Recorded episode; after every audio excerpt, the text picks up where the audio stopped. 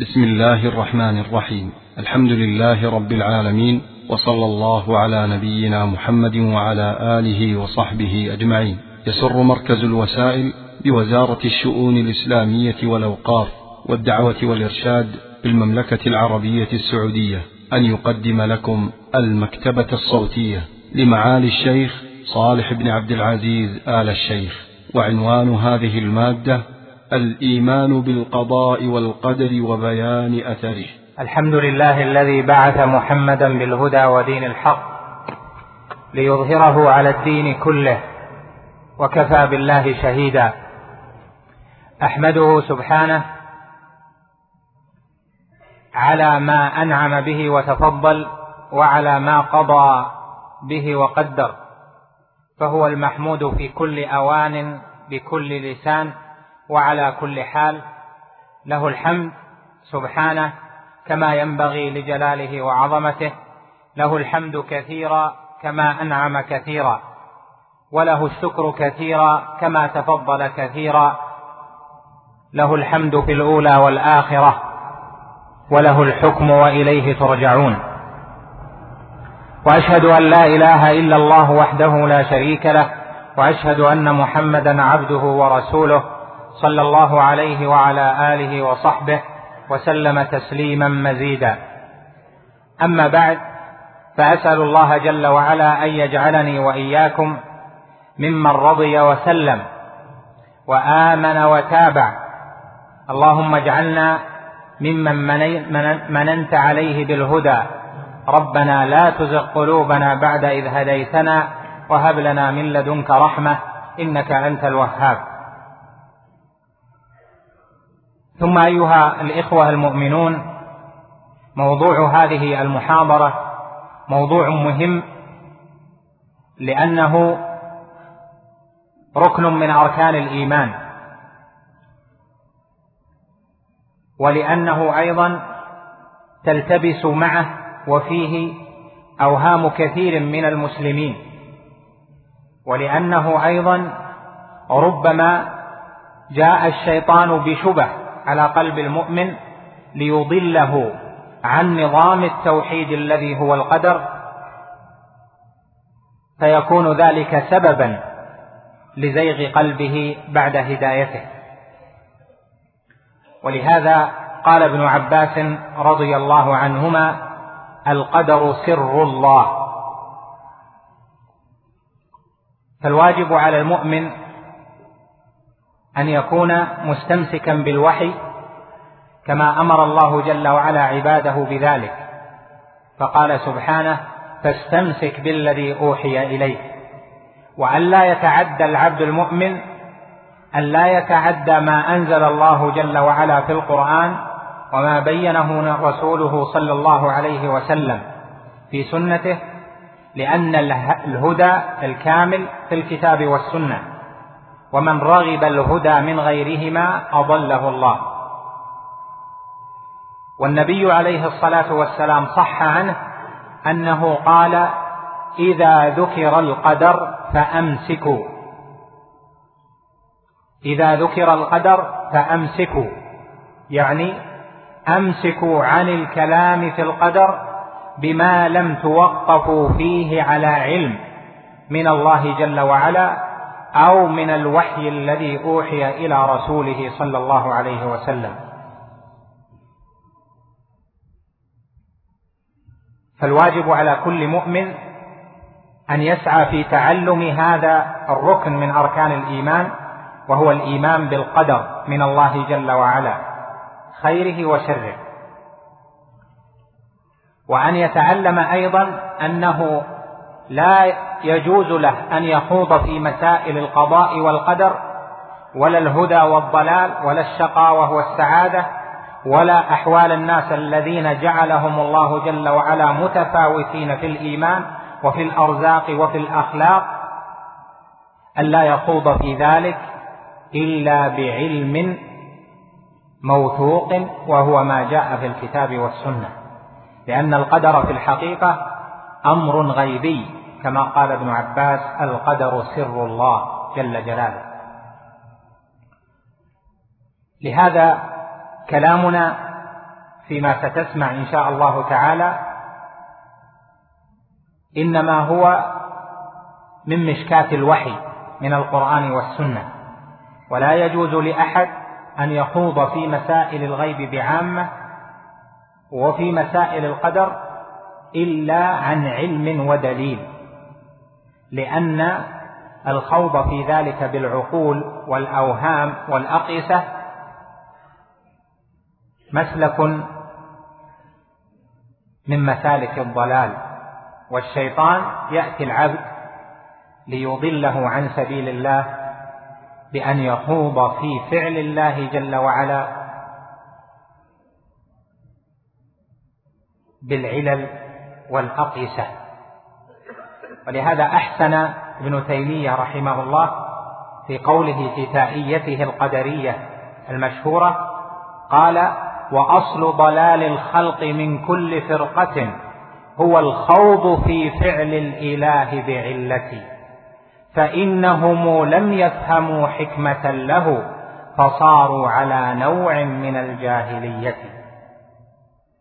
يريد المرء أن يدرك لما حصل كذا ولم اهتدى فلان وضل فلان ولم أعطي هذا ومنع ذاك ولم مرض هذا وصح ذاك ولم هذا صار ملك وذاك صار عبدا ولم ولم ولم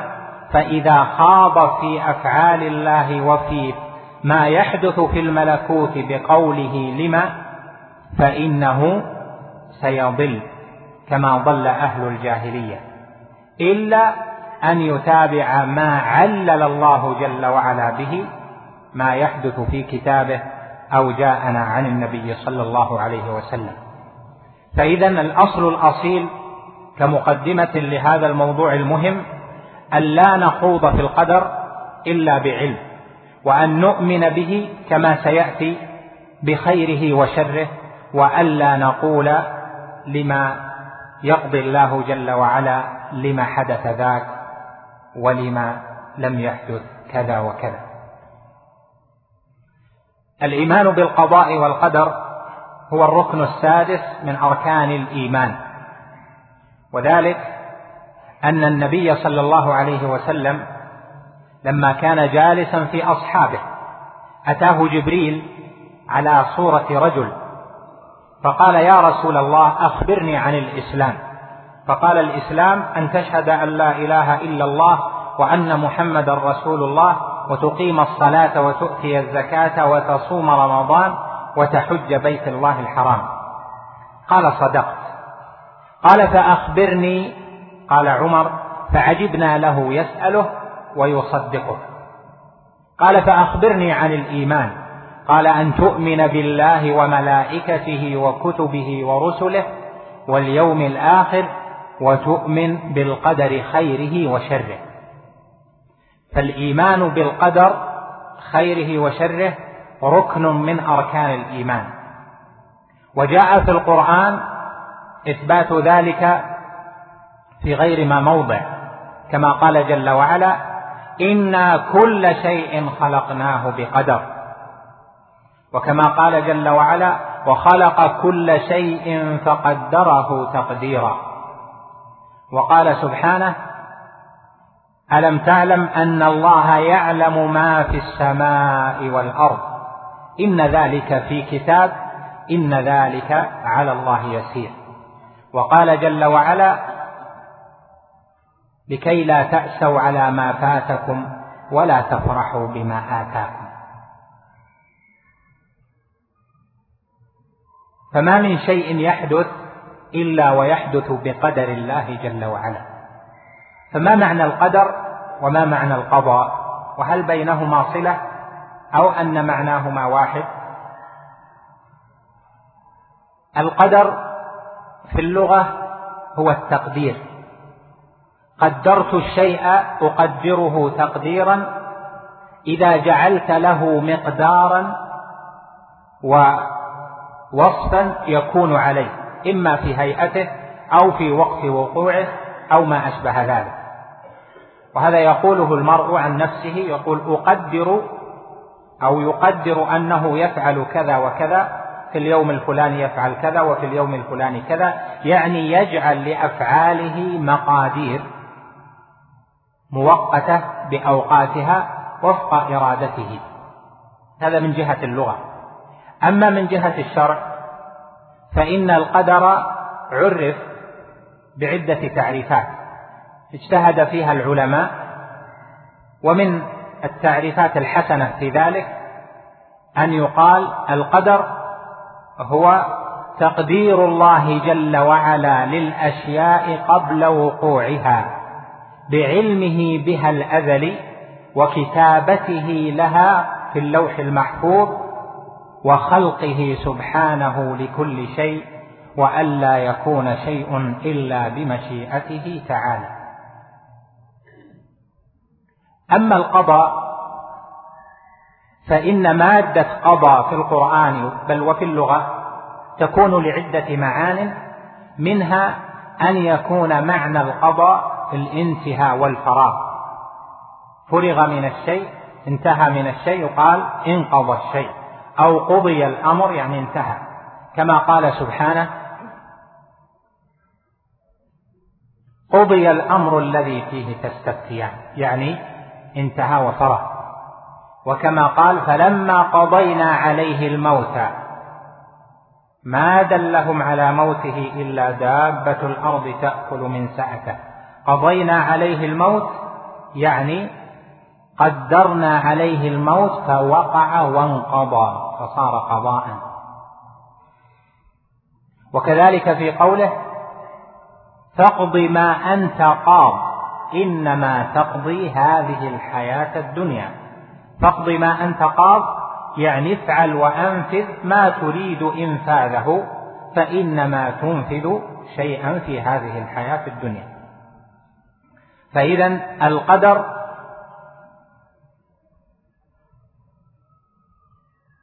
بينه وبين القضاء فرق وهو ان الامر الذي قدره الله جل وعلا اذا وقع وانتهى صار قضاء وفي اثناء وقوعه وقبل ذلك يسمى قدرا لهذا كما ترى في التاريخ ان القدر فيه علم الله جل وعلا لان الله سبحانه علمه بالأشياء أزلي أو علمه بالأشياء أول لا بداية له وكذلك كتابته جل وعلا للأشياء قبل خلق السماوات والأرض بخمسين ألف سنة كما سيأتي ثم الله جل جلاله لا يكون شيء ويحدث إلا بمشيئته وخلقه فإذا وقعت هذه الأشياء وانتهت صارت قضاء فإذا الإيمان بالقضاء والقدر معناه أن يؤمن العبد أن ما يكون من الأشياء ويقع فإنما هو بتقدير سابق من الله جل وعلا لا يقع الأمر ولا تقع الأشياء بدون علم ولا كتابة ولا مشيئة ولا خلق من الله جل وعلا ولا يقع شيء فلا يقع شيء إلا بإذنه تعالى وعلمه السابق وكتابته سبحانه وتعالى لكل شيء فإذا وقع وانتهى قضي وصار قضاء فنؤمن بالقدر خيره وشره قبل وقوعه فكل ما قدر الله على عبده من خير أو شر نؤمن به ونسلم وإذا قضي وصار قضاء فإننا نؤمن ونسلم سواء أكان من الخير أم من الشر ومن يؤمن بالله يهد قلبه قال علقمة هو الرجل تصيبه المصيبة فيعلم أنها من عند الله فيرضى ويسلم إذا تبين لك ذلك فإن الإيمان بقدر الله جل وعلا واجب وركن وفرض بأن تعلم أن ما أصابك لم يكن ليخطئك وما أخطأك لم يكن ليصيبك وهذا الإيمان لا يكمل بل لا يكون العبد مؤمنا بالقضاء والقدر حتى يؤمن بأربع مراتب ذكرها الله جل وعلا في القرآن وجاءت أيضا مبينة في السنة أما المرتبة الأولى فأن تؤمن بأن الله جل وعلا يعلم كل شيء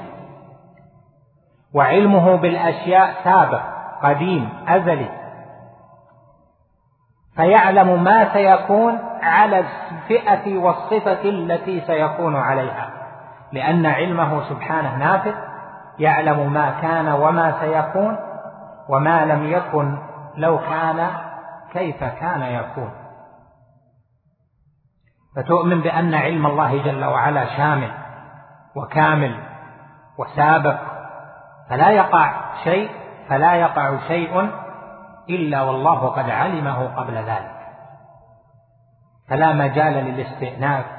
ولا مجال للبداءة والبداء ولا مجال لوجود أشياء لم يعلمها الله جل وعلا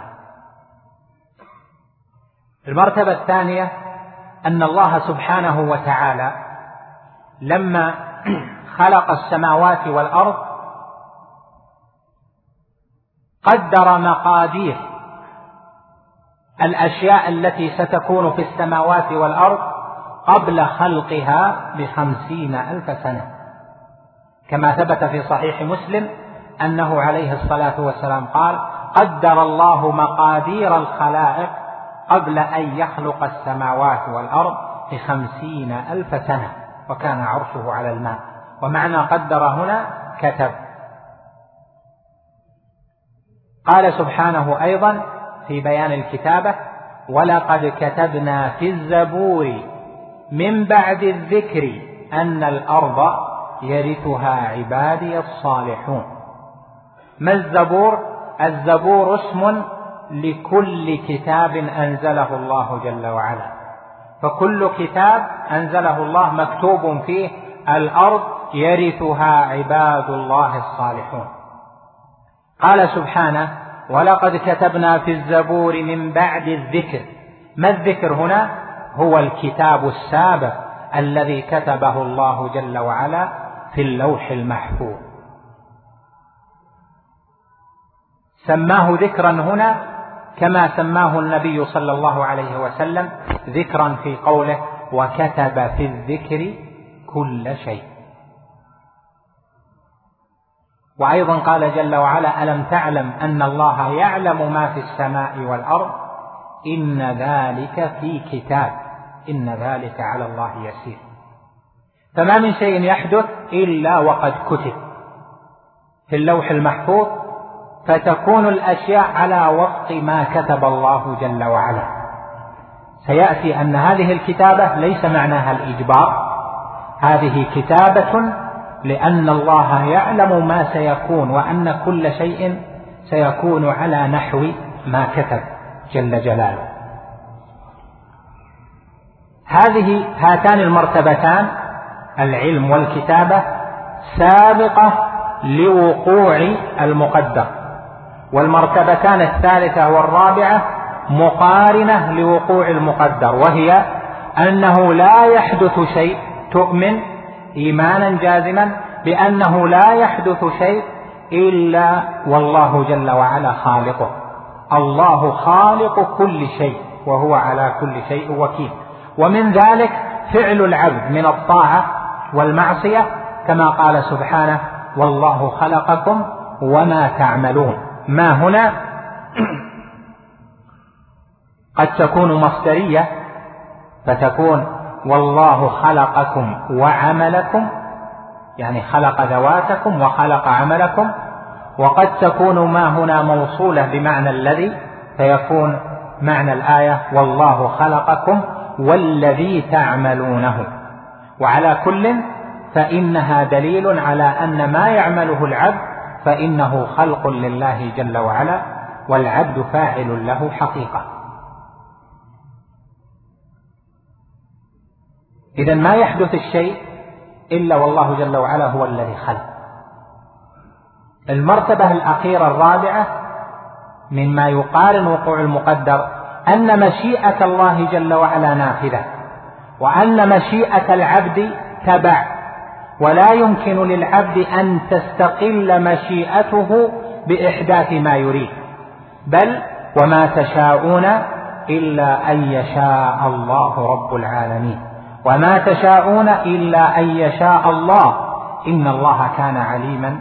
حكيما فمشيئة العبد واختيار العبد وإرادة العبد تبع أو هي خاضعة لمشيئة الله فإذا شاء الله جل وعلا الشيء كان وإذا شاء العبد ولم يشاء الله جل وعلا لم يكن إلا ما يشاءه الله جل وعلا تريد يا عبدي وأريد وليس لك يا عبدي إلا ما أريد إذا فإيماننا بقدر الله جل وعلا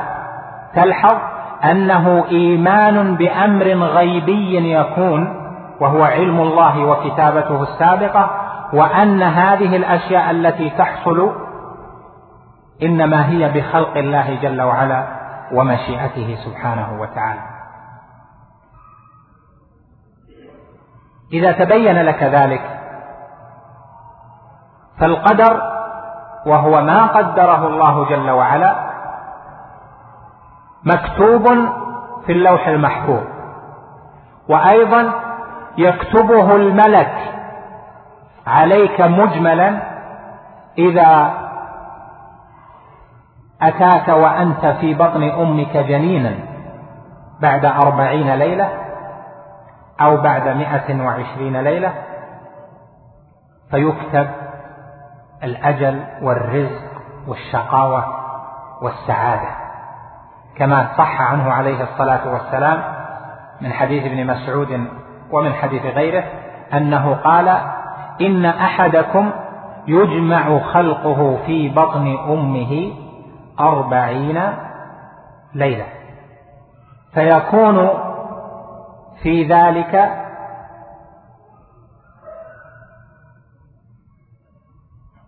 نطفة فيكون في ذلك علقة مثل ذلك ثم يكون في ذلك مضغة مثل ذلك ثم يكون في ذلك إلى آخر الحديث فبعد تمام المئة والعشرين يأتيه الملك وهذه الرواية هي لفظ مسلم وفيها زيادة في ذلك مثل ذلك والرواية الأخرى المعروفة في الصحيحين ليس فيها كلمة في ذلك وهذه لها فائدة ربما يأتي بيانها ثم بعد ذلك يأتيه الملك فيؤمر بأربع كلمات يؤمر بكسب رزقه وعجله وشقي وسعيد فهذه أول الكتابة ولهذا قال السلف السعيد من سعد في بطن أمه والشقي من شقي في بطن أمه لما كان النبي صلى الله عليه وسلم مع صحابته في جنازة في البقيع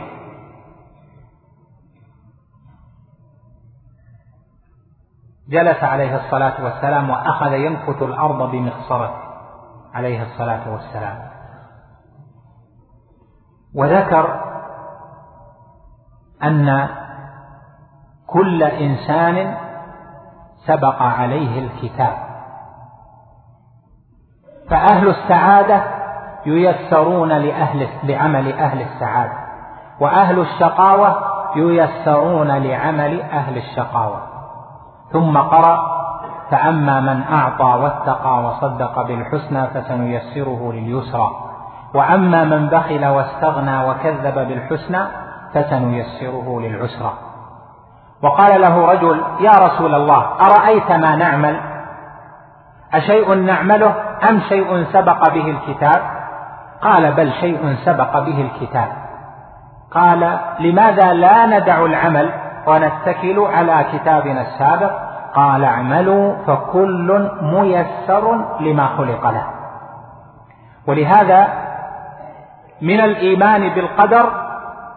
ان تؤمن بأن قدر الله السابق لا يكون إلا بأسباب يعملها العبد توصله إلى القدر الذي قدره الله جل وعلا والله سبحانه قدر المقدمات وقدر النتائج قدر الأسباب وقدر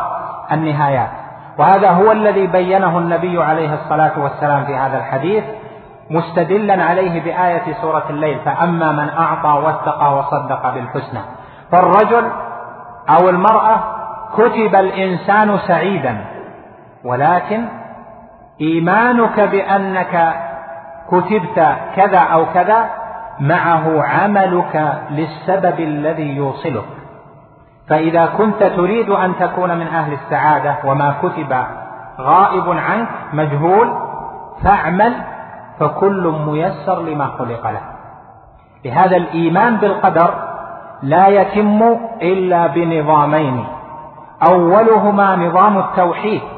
والثالث نظام الشرع اما نظام التوحيد فان تعلم ان الامور مفروغ منها ومكتوبه وان الله جل وعلا اناط الاشياء التي كتب باسبابها واما نظام الشرع فهو أن تسعى للأسباب التي تجعلك من السعداء والتي تبعدك من أن تكون من الأشقياء فإيمان العبد بالقدر الإيمان النافع الإيمان الذي يكون حجة له هو أن يؤمن بهذين النظامين الإيمان بفعل الله وقدره ثم الإيمان بالشرع في أن يفعل الأسباب خذ مثلا في غير الهداية في غير الأعمال الصالحة في غير السعادة والشقاوة أنت مؤمن أنه سيكون لك ولد إن شاء الله تعالى أنت مؤمن بأنه ستكون طالب علم ستحصل ألف ريال هل من آمن بذلك وقعت عن فعل أسباب العلم أو عن التزوج والنكاح حتى يأتيه الولد هل إيمانه حقيقي؟ ليس كذلك لأنه لم يفعل السبب الذي يوصله إلى المقصود فإذا في قوله تعالى فأما من أعطى واتقى وصدق بالحسنى فسنيسره لليسرى يدلك على أن التيسير لليسرى وعلى أن أن كون العبد يكتب من أهل السعادة أو هو مكتوب من أهل السعادة منوط هذا التيسير بفعله للأسباب التي توصله إلى ذلك فإذا الكتابة لا يمكن أن تكتب إلا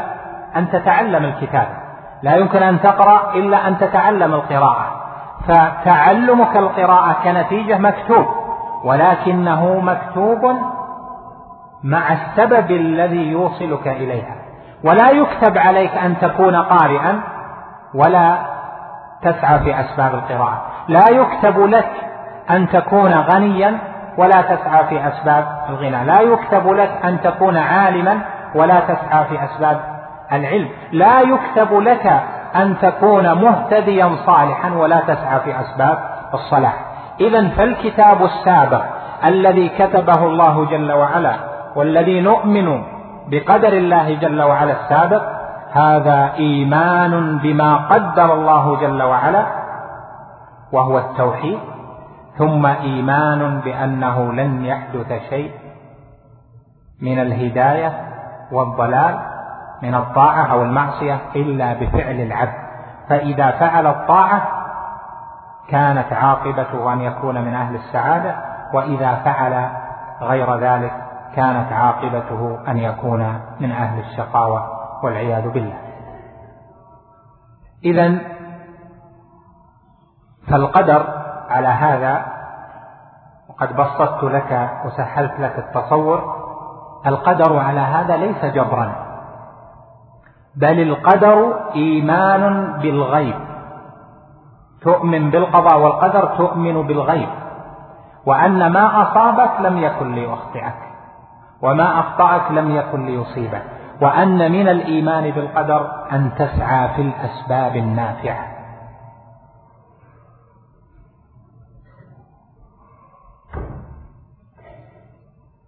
إذا تبين لك ذلك فقدر الله جل وعلا الإيمان به له مظاهر أو له صفة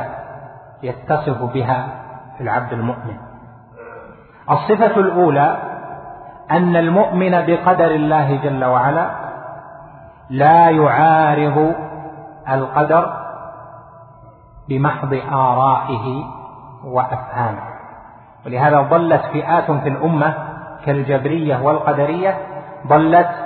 لأجل أنهم قالوا إن القدر يمكن أن يدرك بالعقول والأفهام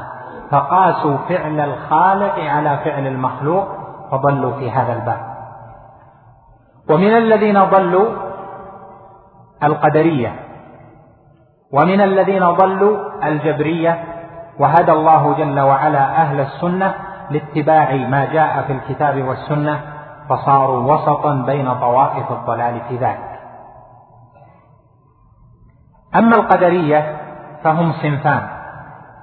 الصنف الأول القدرية الغلاة وهم الذين قال فيهم النبي عليه الصلاة والسلام في الحديث الحسن القدرية مجوس هذه الأمة والقدرية الغالية الذين ينفون علم الله جل وعلا يقولون لا الله سبحانه لا يعلم الأشياء إلا بعد أن تقع تعالى الله عن قولهم علوا كبيرا القسم الثاني من القدرية القدرية الذين ينفون القدر سموا قدرية لأنهم ينفون لا لأنهم يثبتون لأنهم ينفون القدر قيل لهم قدرية القدرية نفاة القدر الذين قالوا إن الله لا يخلق فعل العبد وإنما العبد يخلق فعل نفسه العبد هو الذي يخلق الصلاة هو الذي يخلق المعصية هو الذي يخلق الذكر هو الذي يخلق قراءة القرآن هو الذي يخلق المشي إلى آخره وهؤلاء أيضا قدرية ومناقضون للنصوص وما كان عليه الصحابة رضوان الله عليهم الفعل فعل الإنسان فعل له قد أفلح من زكاها وقد خاب من دساها أنت تزكي نفسك وأنت تدسي نفسك بفعل المعصية وتزكي نفسك بفعل الطاعة هذا الفعل الذي يكون منك هل هو خلق خلقته أم هو فعل فعلته حقيقة واخترته هو فعل فعلته حقيقة باختيار منك لكن من الذي خلقه الذي خلقه هو الله جل وعلا كيف خلق الله الفعل لأن العبد لا يمكن أن يفعل الفعل إلا بشيئين الشيء الأول أن يكون عنده قدرة محصلة لهذا الشيء الذي يريد أن يفعله الشيء الثاني أن يكون عنده إرادة جازمة بها يحصل الشيء الذي يريد أن يتوجه إليه فإذا اجتمعت القدرة التامة والإرادة الجازمة غير المترددة حصل للعبد أن يفعل الشيء إذا شاء الله جل وعلا يعني أن الفعل الذي تفعله رفع الكأس هذا الذي معي أنا قادر أني أرفع الكأس لكن لو ما أردت أن أرفع لا تنفع القدرة يحدث الفعل لا يحدث لو كان عندي إرادة ويدي لا تستطيع الرفع هل يحدث الرفع؟ لا فإذا يحدث الرفع بقدرة لي على الرفع مع إرادة جازمة أن أرفع فإذا كانت الإرادة مترددة ما يحصل واحد يروح المسجد أو ما يروح ما يحصل واحد يقرأ القرآن أو ما يقرأ ما يحصل فإذا كان عندك قدرة على الذهاب وعندك إرادة حصل الفعل القدرة التي في الإنسان من الذي خلقها خلقها الله جل وعلا الإرادة التي في الإنسان من الذي خلقها خلقها الله جل وعلا اذا النتيجة التي تكون من شيئين خلقهما الله جل وعلا من الذي خلق النتيجة هو الذي خلق ما به حصلت النتيجة فإذا خلق الله جل وعلا لفعل الإنسان لأن الإنسان لا يفعل الشيء إلا بما خلق الله جل وعلا فالمحصلة أنها خلق لله سبحانه كما قال والله خلقكم وما تعملون فجعل الذي يعمل يعمله الإنسان جعل عمل الإنسان جعله عملا له وخلقا لله سبحانه فالإنسان يعمل لكن لا يخلق فلهذا صار التوحيد في الإيمان بالقضاء والقدر أن فعلك أيها العبد هو فعل لك لست مجبورا عليه أنت الذي تختار الطاعة وأنت الذي تختار المعصية وإذا اخترت فتختار بقدرتك وإرادتك فالله جل وعلا خالق القدرة وخالق الإرادة وما نتج عنهما فهو خلق الله جل وعلا ولهذا ضل ضلت القدرية النفاذ الذي المعتزلة ومن شابههم في هذا الباب لأنهم جعلوا العبد يخلق الأفعال والله جل وعلا هو الذي يخلق الأفعال سبحانه وتعالى أما الفئة الثانية يقال لهم الجبرية الجبرية هم الذين يقولون الإنسان مجبور على كل شيء كيف تفعل الصلاة أنا مجبور على الصلاة المعصية مجبور على المعصية ولذلك قيل لهم جبرية يقولون الإنسان كالريشة في مهب الهواء يحركها الهواء كيف يشاء فحركات الإنسان وطاعته ومعصيته وأفعاله كلها بإجبار الله جل وعلا وهؤلاء الجبرية قسمان جبرية في الظاهر والباطن وهم الجهمية وغلاة الصوفية ومن شابههم الذين يقول الإنسان ليس له اختيار أصلا وإنما يفعل به كالريشة في مهب الهواء والقسم الثاني الجبرية المتوسطة أو الجبرية في الباطن دون الظاهر يقولون في الظاهر هو مختار لكن في الباطن في الحقيقة هو مجبور على الفعل وهو قول الأشاعرة والماتريدية وهؤلاء وهؤلاء يقولون الإنسان مجبور وليس بمختار وهذا خلاف النصوص التي فيها إثبات اختيار الإنسان وهديناه النجدين فلا اقتحم العقبة وما أدراك ما العقبة فك رقبة إنسان هو الذي يختار قد أفلح من زكاها وقد خاب من دساها اقرأ كتابك كفى بنفسك اليوم عليك حسيبا لأنك أنت الذي اخترت وهكذا من يعمل فمن يعمل مثقال ذرة خيرا يره ومن يعمل مثقال ذرة شرا يره ونضع الموازين القسط ليوم القيامة فلا تظلم نفس شيئا وإن كان مثقال حبة من خردل أتينا بها وكفى بنا حاسبين إذا الإنسان يختار ويفعل وهو محاسب على ما فعل أما هؤلاء فيقولون الإنسان لا يفعل لا يخلق فعل نفسه وأيضا لا يفعل لأن الفاعل في الحقيقة هو الله جل وعلا الجهمية وغلاة الصوفية يقولون الفاعل ظاهرا وباطنا هو الله جل وعلا تعالى الله عن قولهم يعني الإنسان لما يشرب الخمر من الذي يشرب يقال الله اللي يشرب الخمر أعوذ بالله الإنسان إذا فعل معصية يقال الله الإنسان هو الذي فعل لذلك جاء الأشاعرة وهم الجبرية المتوسطة فقالوا الإنسان مجبور لكنه مجبور في الباطن أما الظاهر فليس بمجبور هو مختار في الظاهر لكن في الداخل الله يجبره وأتوا لذلك بلفظ جديد قالوا الافعال هل يفعلها الانسان حقيقه ام لا يفعلها قالوا لا افعال الانسان خلق الله واجباره لكنها كسب الانسان الانسان يكسبها كيف يكسبها قالوا تضاف اليه تضاف اليه اضافه عند التقاء كذا بكذا حصل كذا طيب هؤلاء يقال لهم أيضا نفاة الأسباب الذين يقولون لا يوجد شيء سبب مؤثر طيب حينما أشرب الماء هذا ويحصل لي الارتواء هل الارتواء بالماء هل الارتواء بالماء نزل المطر فنبت الزرع هل النبات بالماء يقولون الانبات الذي انبت هو الله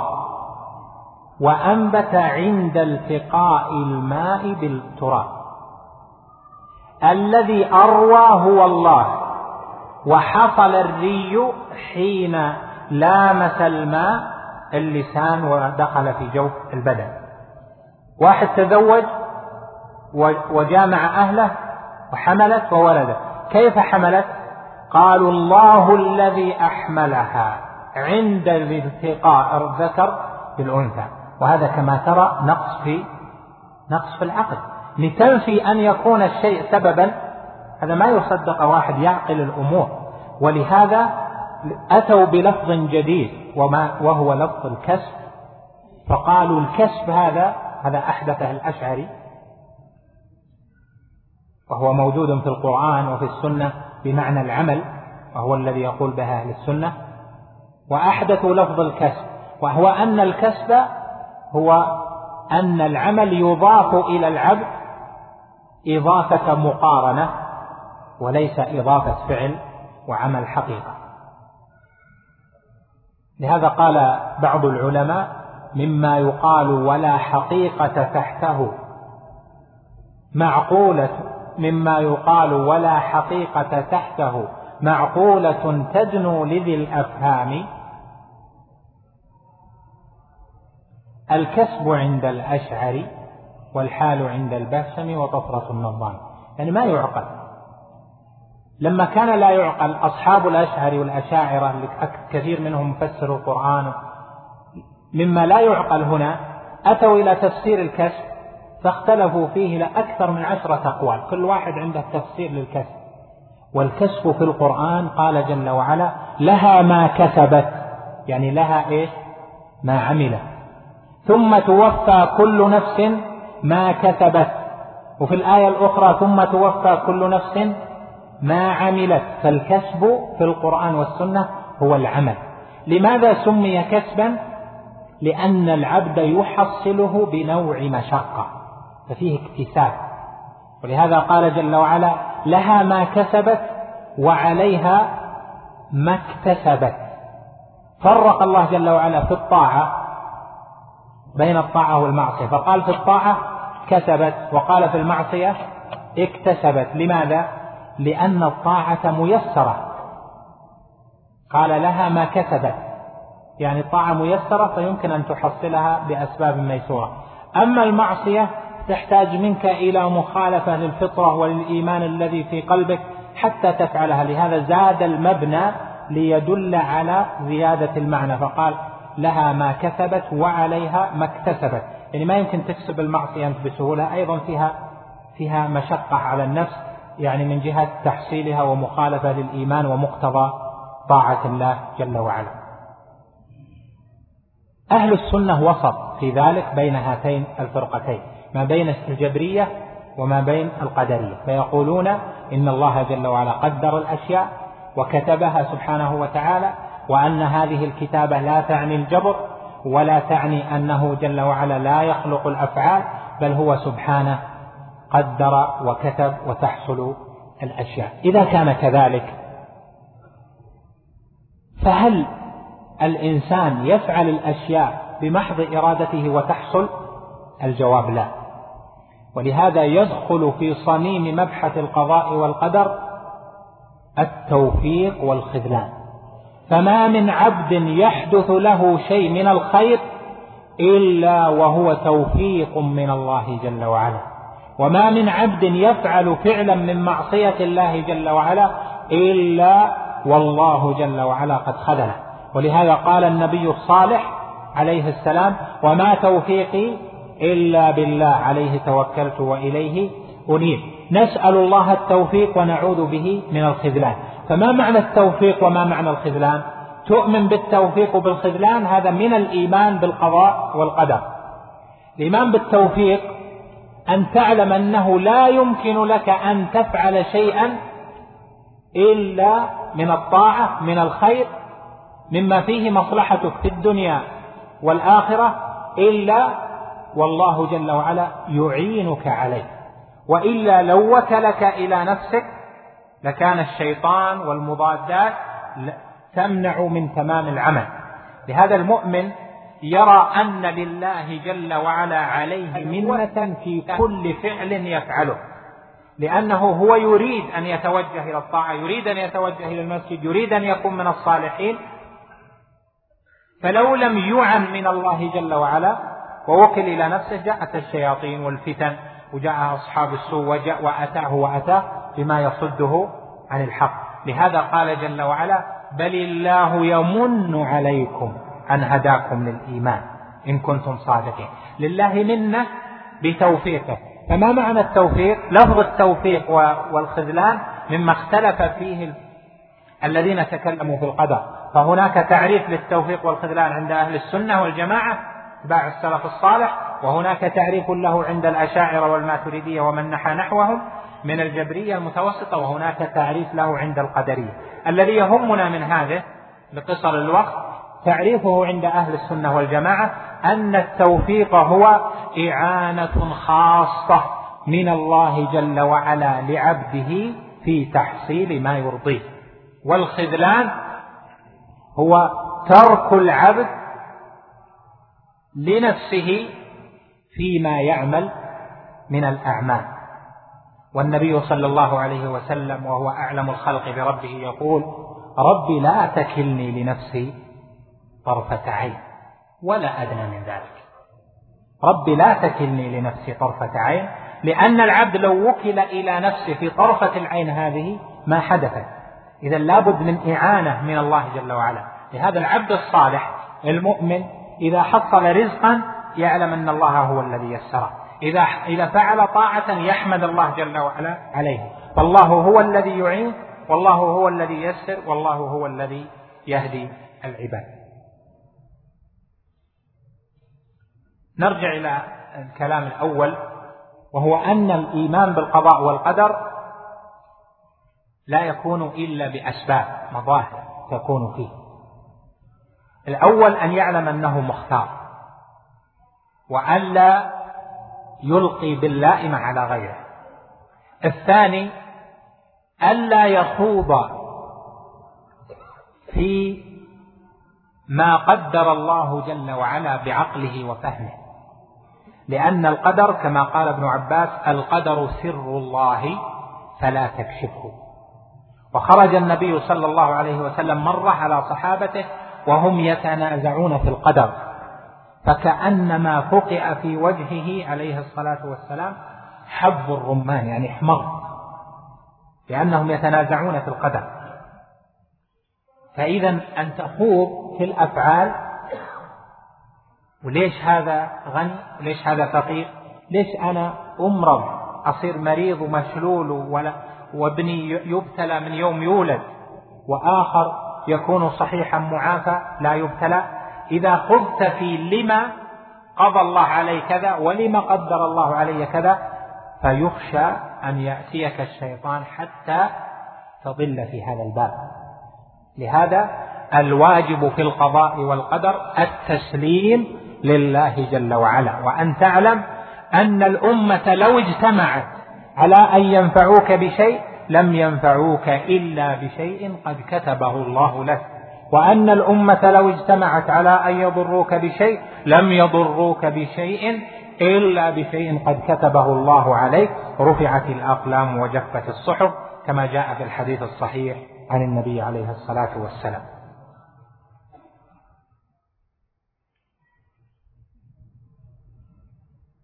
ربنا جل وعلا جعل الاختلاف بين الناس فتنة وهذا ابتلاء وامتحان فقال وجعلنا بعضكم لبعض فتنة أتصبرون وكان ربك بصيرا قال المفسرون عند هذه الآية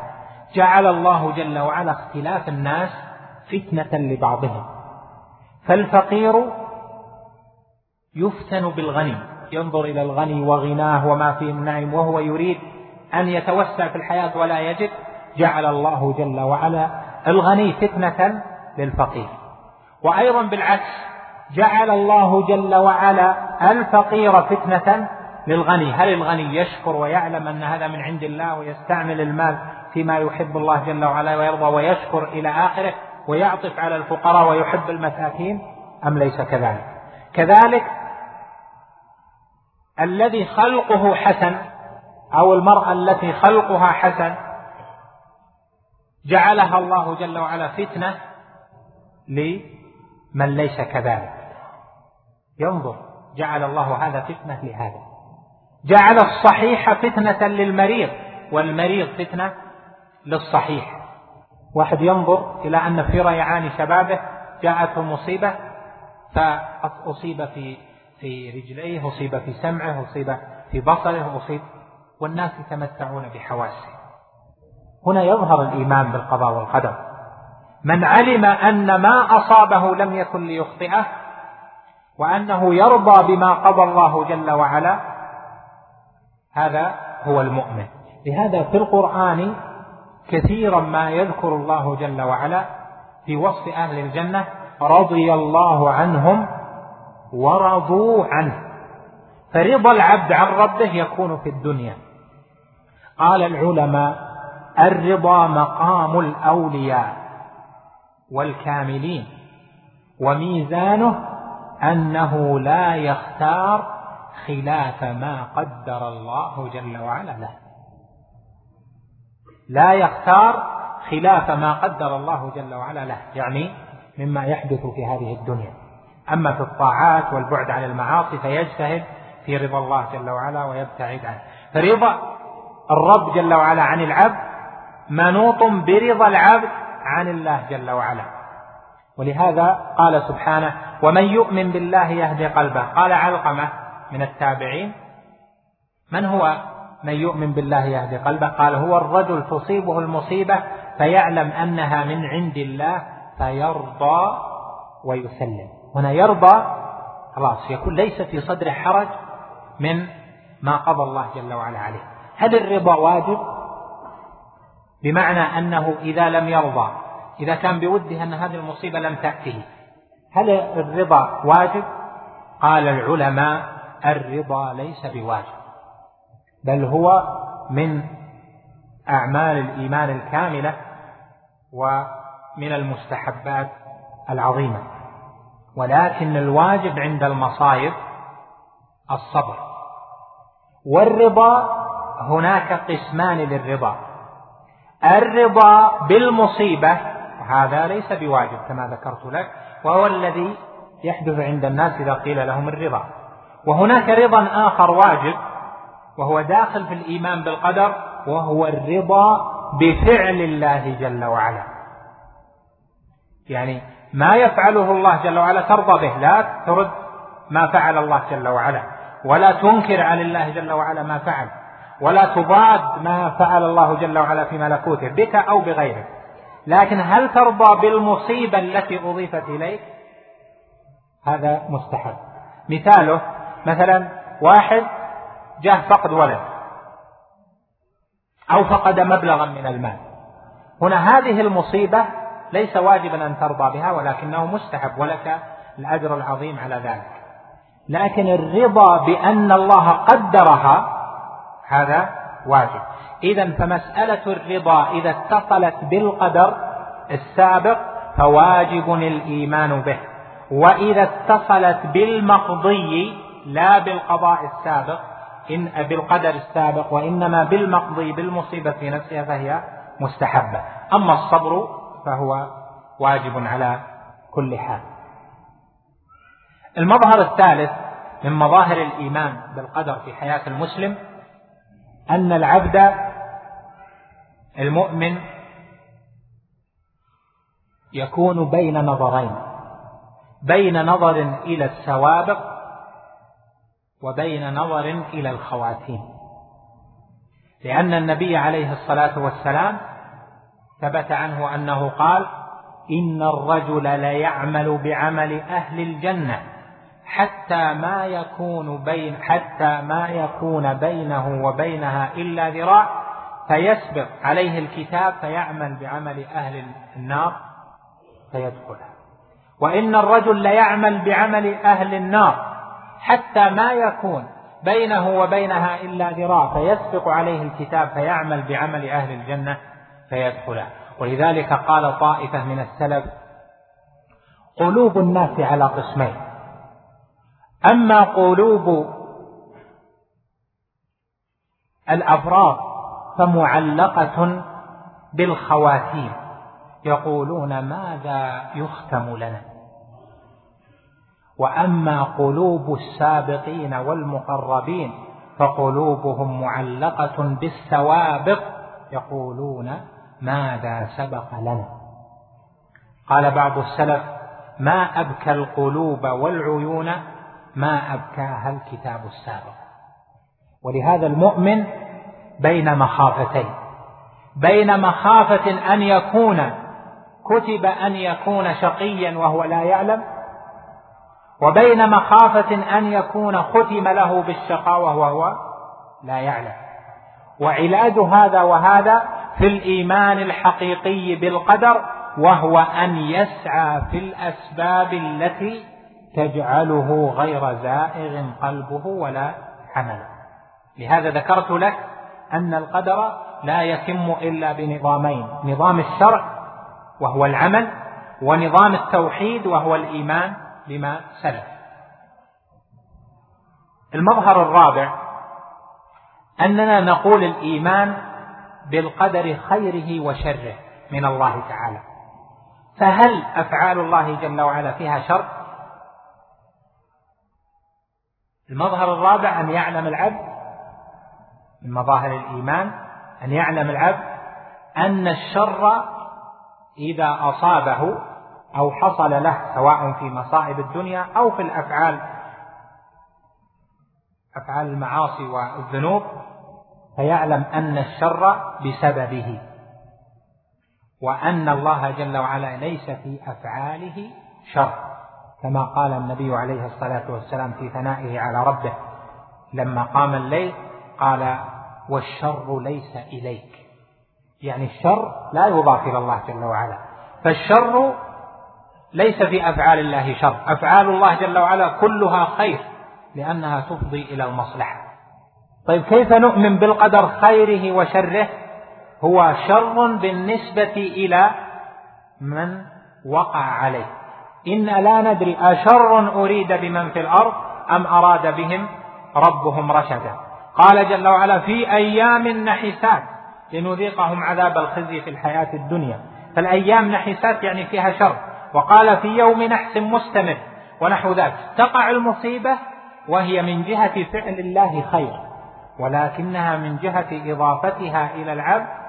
وحصولها للعبد وفعل العبد لها شر لأنها بالنسبة إليه مكروهة وليست بمرغوب فيها إذا كان كذلك فالواجب على العبد إذا وقعت له الخير أن يعلم أنه من عند الله جل وعلا منة وتفضلا وتكرما سواء من الخير الديني الذي هو أعظم الخير أو من الخير الدنيوي فيحمد الله جل وعلا على الخير ويؤمن بقدر الله جل وعلا وإذا حصل له من الشر ما حصل فيعلم أنه إنما حصل له بسبب نفسه ونستمع إلى الأذان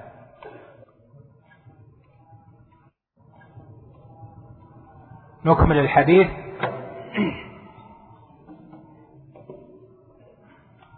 فإذا إذا وقع للعبد ما هو شر بالنسبة إليه فالواجب عليه أن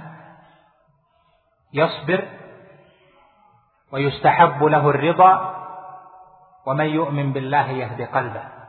ولا يعترض على قضاء الله جل وعلا وعلى قدره بل يعلم أن ما أصابه إنما هو بسبب ذنوبه قال جل وعلا وما أصابكم وما أصابكم من مصيبة فبما كسبت أيديكم ويعفو عن كثير وقال جل وعلا في سورة النساء ما أصابك من حسنة فمن الله وما أصابك من سيئة فمن نفسك والسيئة هنا ما يسوء العبد والحسنة ما يحسن عنده فإذا الخير والشر فيما يحدث لك إذا قدر الله جل وعلا لك الخير وقضاه من الخير فاعلم أنه من عند الله فاحمد الله واعلم أن الله من به وتفضل فأعظم شكره وطاعته وإذا حصل سيئة إذا حصل شر بالنسبة إليك إذا حصلت مصيبة فسلم واصبر وارضى واعلم أن ما أصابك لم يكن ليخطئك وما أخطأك لم يكن ليصيبك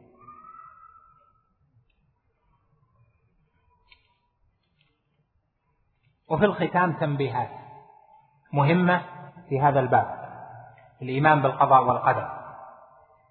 كتاب الله جل وعلا السابق وهو ما كتبه في اللوح المحفوظ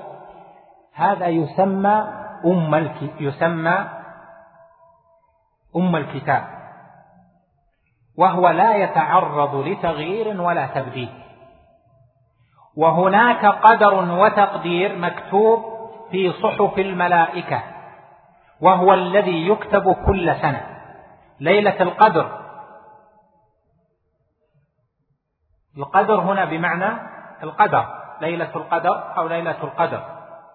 لأنه في ليلة القدر من كل سنة يقدر الله جل وعلا فيكتب في الصحف التي بأيدي الملائكة الموكلة بأحوال الناس ما سيقع في السنة المقبلة ولهذا قال جل وعلا يمحو الله ما يشاء ويثبت وعنده ام الكتاب قال ابن عباس رضي الله عنهما اما ما في ام الكتاب فلا يتعرض لتغيير ولا تبديل واما ما في صحف الملائكه فيمحو الله ما يشاء ويثبت وهذا معنى قول عمر وقول غيره من الصحابة والسلف اللهم إن كنت كتبتني شقيا فاكتبني سعيدا وهذا يتغير فالله جل وعلا يجعل الأمور منوطة لأسبابها فإذا كما في قوله عليه الصلاة والسلام من سره أن يبسط له في رزقه وينسأ له في عمره أو في أثره فليصل رحمه العمر أليس الأجل منتهي العمر غير الأجل وما يعمر من معمر ولا ينقص من عمره إلا في كتاب العمر غير الأجل الأجل منقضي إذا جاء أجلهم فلا يستأخرون ساعة ولا يستأخرون. أما العمر والأثر فيقبل التغيير لأنه هو الذي في صحف الملائكة فينيط الله جل وعلا هذا العمر ينيطه بفعل العبد وهو الذي يعلم ما سيفعله العبد وهذا لإظهار فضل الله جل وعلا ولإظهار إقبال العبد ولإظهار أنه ينبغي على العبد أن يقبل على الأسباب التي تجعله ينسأ له في أثره ويرزق ويكثر ماله إلى آخره فإذا تغيير القدر أو تغيير ما كتب في صحف الملائكة منوط بأسباب من سره أن يبسط له في رزقه وينسأ له في أثره فليصل رحمه ولهذا قد يزيد العمر بالبر كما قال عليه الصلاة والسلام وإن البر ليزيد في العمر أو إن العمر ليزيد وإن إن البر ليزيد في العمر هذا التنبيه الأول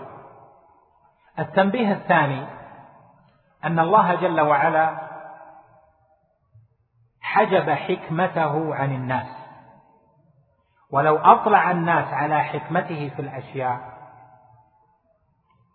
لا هلكوا وحاروا لأن الحكمة منوطة بالعلم وعلم الإنسان قاصر ولو حصل للإنسان أنه يعترض على الشيء الذي لا يعلمه لأجل أنه لا يعلم الحكمة فإنه سيضل بل سيحرم العلم والهدى وخذ مثلا في حرمان بعض العلم بسبب الاعتراض ما جاء في سورة الكهف من قصة موسى عليه السلام مع الخضر سورة نقرأها كل جمعة وفيها من العبر وفيها من الفوائد ما يحيي الإيمان في النفوس في جميع أحوال الإنسان وأحوال المسلم هذا الخضر مع موسى الخضر عنده علم من علم الله وعلمناه من لدنا علما وموسى علمه قاصر عن علم الخضر ركب في السفينة خرقها الخضر قال أخرقتها موسى اعترض لأنه ما يعلم ما الحكمة من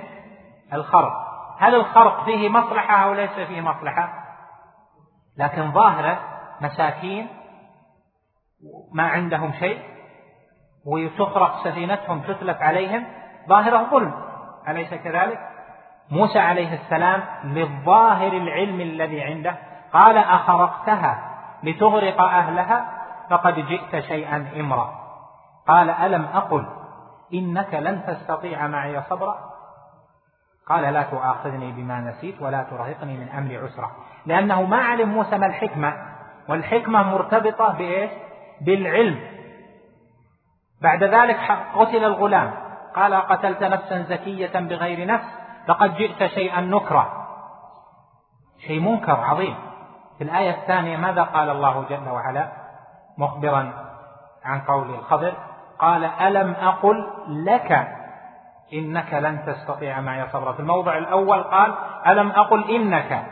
لأنها أول مرة في الثانية قال ألم أقل لك إنك لن تستطيع معي صبرا قال إن سألتك عن شيء بعده إلى آخر الآية إذا موسى عليه السلام اعترض على علم الخضر الذي علمه الله جل وعلا وهو كما جاء في الحديث كما قال الخضر ما نقص علمي وعلمك من ما نقص علمي وعلمك من علم الله إلا كما يأخذ هذا العصفور من منقاره من من البحر يعني أنه لا شيء فاعترض موسى عليه السلام وهذه القصة ليبين لنا الله جل وعلا وليبين للعباد أن عدم العلم مدعاة لعدم الاعتراف إذا لم تعلم فاسكت واحد يجي يستفتي عالم فيجيبه له حق يعترض وهو لا يعلم ما له حق لأنه لا يعلم فأفعال الله جل وعلا في ملكوته لا تعلم أنت الغايات من ورائها فلذلك وجب عليك التسليم فإذا اعترضت على علم الله وأنت لا تعلم حقيقة الحكمة فإنه سبب لزيغ القلب وسبب للبعد ولقد أحسن أحد العلماء إذ يقول في ذلك لما ذكر قصة موسى والخضر وذكر الحكمة وما يتعلق بها أحسن إذ قال تسل عن الوفاق فربنا قد حكى بين الملائكة الخصام كذا الخضر المكلم كذا الخضر المكرم والوجيه المكلم إذ ألم به لماما الوجيه المكلم من؟ موسى عليه السلام إذ ألم به لماما تكدر صفو جمعهما مرارا فعجل صاحب السر الصرانا وما سبب الخلاف سوى اختلاف العلوم هناك بعضا أو تماما فكان من اللوازم أن يكون الإله مخالفا فيها الأنام فلا تجهل لها قدرا وخذها شكورا للذي يحيي الأنام اللهم اجعلنا ممن يؤمن بقضائك وقدرك اللهم يسر لنا الخير حيث كنا وجنبنا الشر حيث كنا واجعلنا ممن رضيت قوله وعمله اللهم هيئ لنا من امرنا رشدا واصلحنا واصلح بنا ووفق ولاه امورنا لما تحب وترضى واغفر لنا ولوالدينا ولمن له حق علينا وصلى الله وسلم على نبينا محمد سمعت شيخ السائل ذكر حديث النبي صلى الله عليه وسلم لا أحد يدخل الجنة بعمله قالوا ولا أنت يا رسول الله قال حتى أنا إلا يتغمدني الله برحمته إلى أن قال أرجو من سماحتكم إيضاح معنى هذا الحديث معناه أن دخول الجنة الأعمال ليست كالعوض ليست الأعمال عوضا في دخول الجنة لأنك مهما عملت من طاعة وإن تعظمت فبالنسبة إلى نعم الله عليك طاعاتك لا شك لو قارنت بنعم نعم الله عليك مع أعمالك لكانت طاعة طاعة فضل الله عليك يعني أضعاف أضعاف أضعاف طاعتك فليس عملك عوضا الجنة عملك سبب ورحمة أرحم الراحمين قبل نعم سمعت شيخ السائل ما معنى قوله لا يرد القدر إلا الدعاء يعني أن القدر يرده الدعاء فالمقدر عليك قد يعلق بأسباب كما أشرت إليه المحاضرة إذا دعوت الله قلت هذا سبب هذا السبب يدفع الله به ذلك القدر حكمة بالغة ويقول نرجو من سماحتكم توضيح مسألة الاحتجاج بالقدر على فعل المعصية الاحتجاج بالقدر على فعل المعاصي طريق المشركين وإذا فعلوا فاحشة قالوا وجدنا عليها آباءنا والله أمرنا بها قل إن الله لا يأمر بالفحشاء أتقولون على الله ما لا تعلمون قل أمر ربي بالقسط فالمشركون فعلوا المعاصي واحتجوا بالقدر وقالوا وإذا فعل قولنا عليها آباءنا والله أمر بها وقد كذبوا على الله فما أمرهم الله بالفواحش وما أمرهم بالمعاصي بل نهاهم عنها وحذرهم منها ولكنهم ظلموا أنفسهم بذلك إن الله لا يظلم الناس شيئا ولكن الناس أنفسهم يظلمون فلو أخذوا سبيل الهدى ما عملوا المعاصي فالاحتجاج بالقدر على فعل الجريمة هذه طريقة المشركين ومن شابههم أن يجعلوا حجتهم على استباحة محارم الله دعواهم أن هذا قضاء وقدر الله جل وعلا هل أطلعك على الغيب وهل قال لك أنك العاصي المجرم أم أنك الذي لوثت نفسك وأقدمت على المعصية وأقدمت على الخطيئة قال جل وعلا وعصى آدم ربه فغوى لأن الله لما نهاه عن الشجرة فوسوس الشيطان له فأتلاه الله وعصى آدم ربه فغوى ثم اجتباه ربه فتاب عليه وهداه وآدم لم يحتج بالقدر عن المعاصي بل قال ربنا ظلمنا أنفسنا وإن لم تغفر لنا وترحمنا لنكون من الخاسرين فالمحتجون بالقدر على المعاصي هؤلاء يخشى عليهم ألا يوفقوا لتوبة وأن يحل بينهم التوفيق لأنهم عكسوا الحقائق واستباحوا المحرمات وكذبوا على الله وجعلوا حجتهم حجة باطلة لا أصل للشرع سمعت يقول السائل هل يحق لصاحب العمل أن يتعاقد مع الموظف لمدة سنة على أن على أن يسلمه 75% يقول هل يحق لصاحب العمل أن يتعاقد مع الموظف لمدة سنة على أن يسلمه 75% فقط من راتبه وعند نهاية السنة يسلمه 25% آه، لكل الشهور الاثني عشر وإذا لم يكمل الموظف التعاقد السنوي فليس له آه، من ال 25% آه، من الشهور الاثني عشر شيئا. صاحب السؤال أرجو يوضح السؤال. السؤال ما وضح. لا ما وضح على صاحب السؤال الحاضر يوضح السؤال. نعم. يقول السائل ما حكم الشرع في هذه المقولة أن الإنسان مسير وليس مخير هذه المقولة تكون حقا وباطلا كون الإنسان مسير في نواحي ما يجمع يقضي الله ويقدر عليه من أمور لا شك أنها أمر لا دخل فيه أما من نواحي الأوامر والنواهي فإنه مخير ومعطى إرادة واختيار وهديناه النجدين بين له الخير من الشر والهدى من الضلال فهو مخير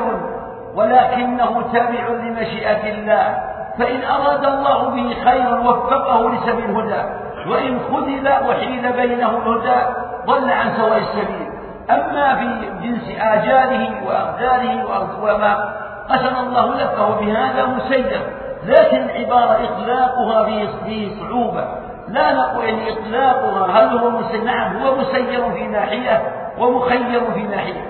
نعم. سماحة الشيخ يقول السائل هل يصح أن يقال أن المعاصي أن المعاصي والجرائم التي يفعلها الإنسان خلقها الله الله خلق كل شيء هذا ما هو أن الله خلق أفعال العباد خيرها وشرها ولهذا لما ظهرت فرقة القدرية النفاة في أواخر عهد الصحابة وقالوا الأمر ألف ولا قدر سابق تبرأ الصحابة منهم ومنهم ابن عمر وعباد الصامت وبينوا قول النبي صلى الله عليه وسلم لوجوب الإيمان بالقضاء والقدر وأنه لا ينبغي أحد الإيمان حتى يؤمن بقضاء الله وقدره فلا بد الخير والشر كله مخلوق لله لكن الخير أمر به والشر نهي عنه نعم. سمعت يقول السائل تزوجت منذ ست سنين وعلمت أنا وزوجتي منذ السنة الأولى أني غير قادر طبيا على الإنجاب وليس هنالك علاج ولكن يمكن آه، آه، ولكن يمكن اعتباره رزقا وليس مرضا طالبت الزوجة بالطلاق واستجبت لرغبتها فما هو حقها من الصداق والنفقة والمتاع وهل من حقي رفض طلبها في الطلاق يا أخي إذا كنت تعلم أن بالغالب مما أهل الفسخ الإنجاب والمرأة تريد الإنجاب وهي معاملتها معك حسنة وهل شوفي نفسها خلي سبيلها فلعل الله أن يرزقها ولعل الله أن يهيئ لك امرأة يكن الأمر بيد الله إذا كان هذا طلبها والنفس متعلقة بذلك فمن حسن العشرة أن تفارقها بإحسان لعل الله أن يرزقها عقب صالح وأن تبعد الأخرى ولعل إن لم يحصل إنجاب من هذه يحصل لك إنجاب الأخرى والله على كل شيء سمحت يقول السائل أنا فتاة توفي والدي ثم تقدم شاب لخطبتي وعند كتابة العقد وعند كتابة العقد وقع حادث على أخي الكبير فتولى كتابة العقد أخي الذي يليه وقد رضيت بذلك وكذلك المصاب قد قد رضي فهل العقد صحيح؟ الأول إن إذا عدم الأب والجد والوصي تنتقل من وين الإخوة إلى الأبناء الأشقة فإذا كان الأخ الصغير بالغا عاقلا يدرك ويفهم يعني بالغ عاقل عدل فإن عقله صحيح هو أخ شقيق والأشقة لا فرق بين كبيرهم وصغيرهم بشرط أن يكون من يكون عاقلا بالغا يقول السائل سماحة الشيخ أرجو التعليق على الأثر الذي روي عن أبي عبيدة بن الجراح عندما أمر أمير المؤمنين عندما أمر أمير المؤمنين عمر الخطاب رضي الله عنه بعدم المرور على بلد قد حل بها الطاعون قال أبو عبيدة يا أمير المؤمنين أنا فر من قدر الله قال نفر من قدر الله إلى قدر الله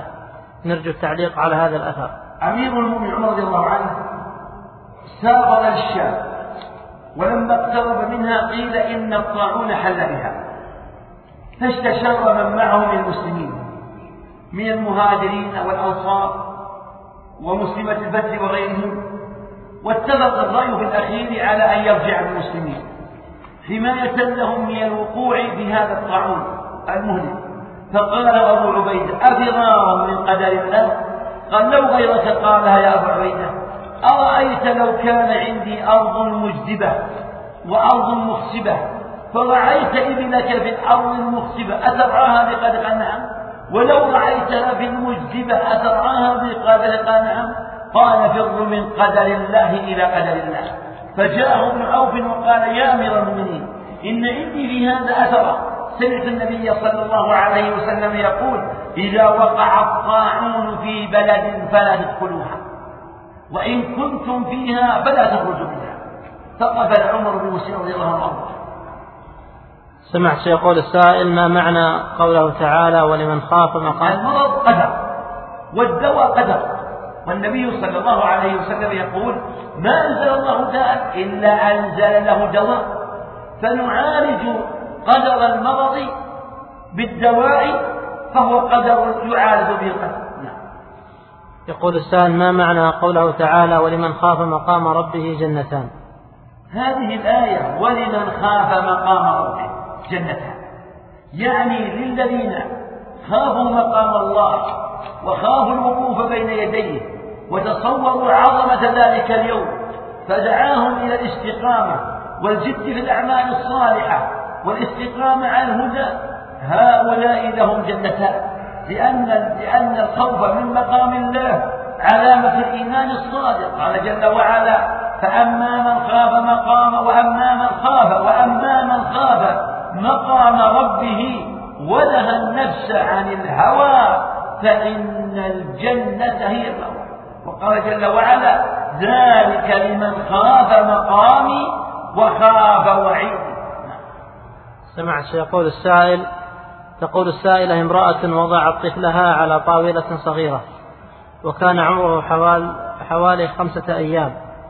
فسقط الولد في الليل فمات هل عليها شيء مع العلم أنها ليست مفرطة الله أعلم وضع الطفل على الطاولة الصغيرة غير المحجوزة هذه لا شك تفريط بغيبها تضع الطفل في الأماكن المخصصات وشقها المخصصة لهم محجوزة أما تضع على الطاولة الصغيرة ربما يحركها شيء سقط الطفل منها تعتبر بهذا مفرطة فعليها أن تصوم لله شهرين كان سبعا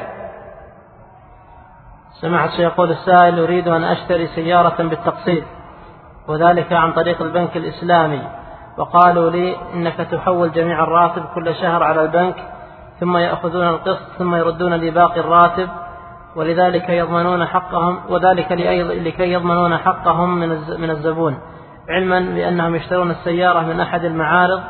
ثم يقسطونها علي كل شهر فهل يجوز هذا العمل؟ المهم أنه لا تعاقد معه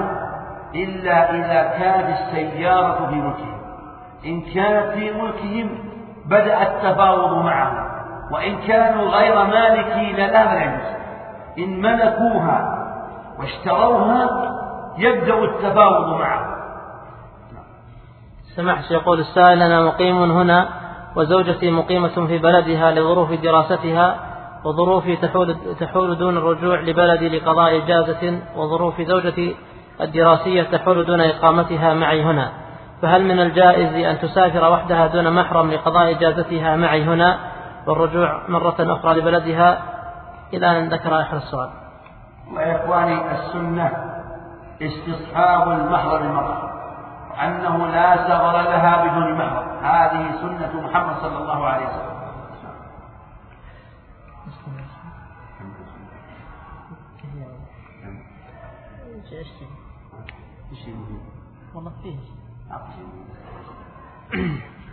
سمعت يقول السائل انتشر هذه الأيام بين الناس قولهم أن هنالك سيول وأمطار عظيمة سوف تحصل ما حكم ادعاء علم الغيث الله يقول قل لا يعلم من في السماوات والأرض الغيب إلا الله الأمر بيد الله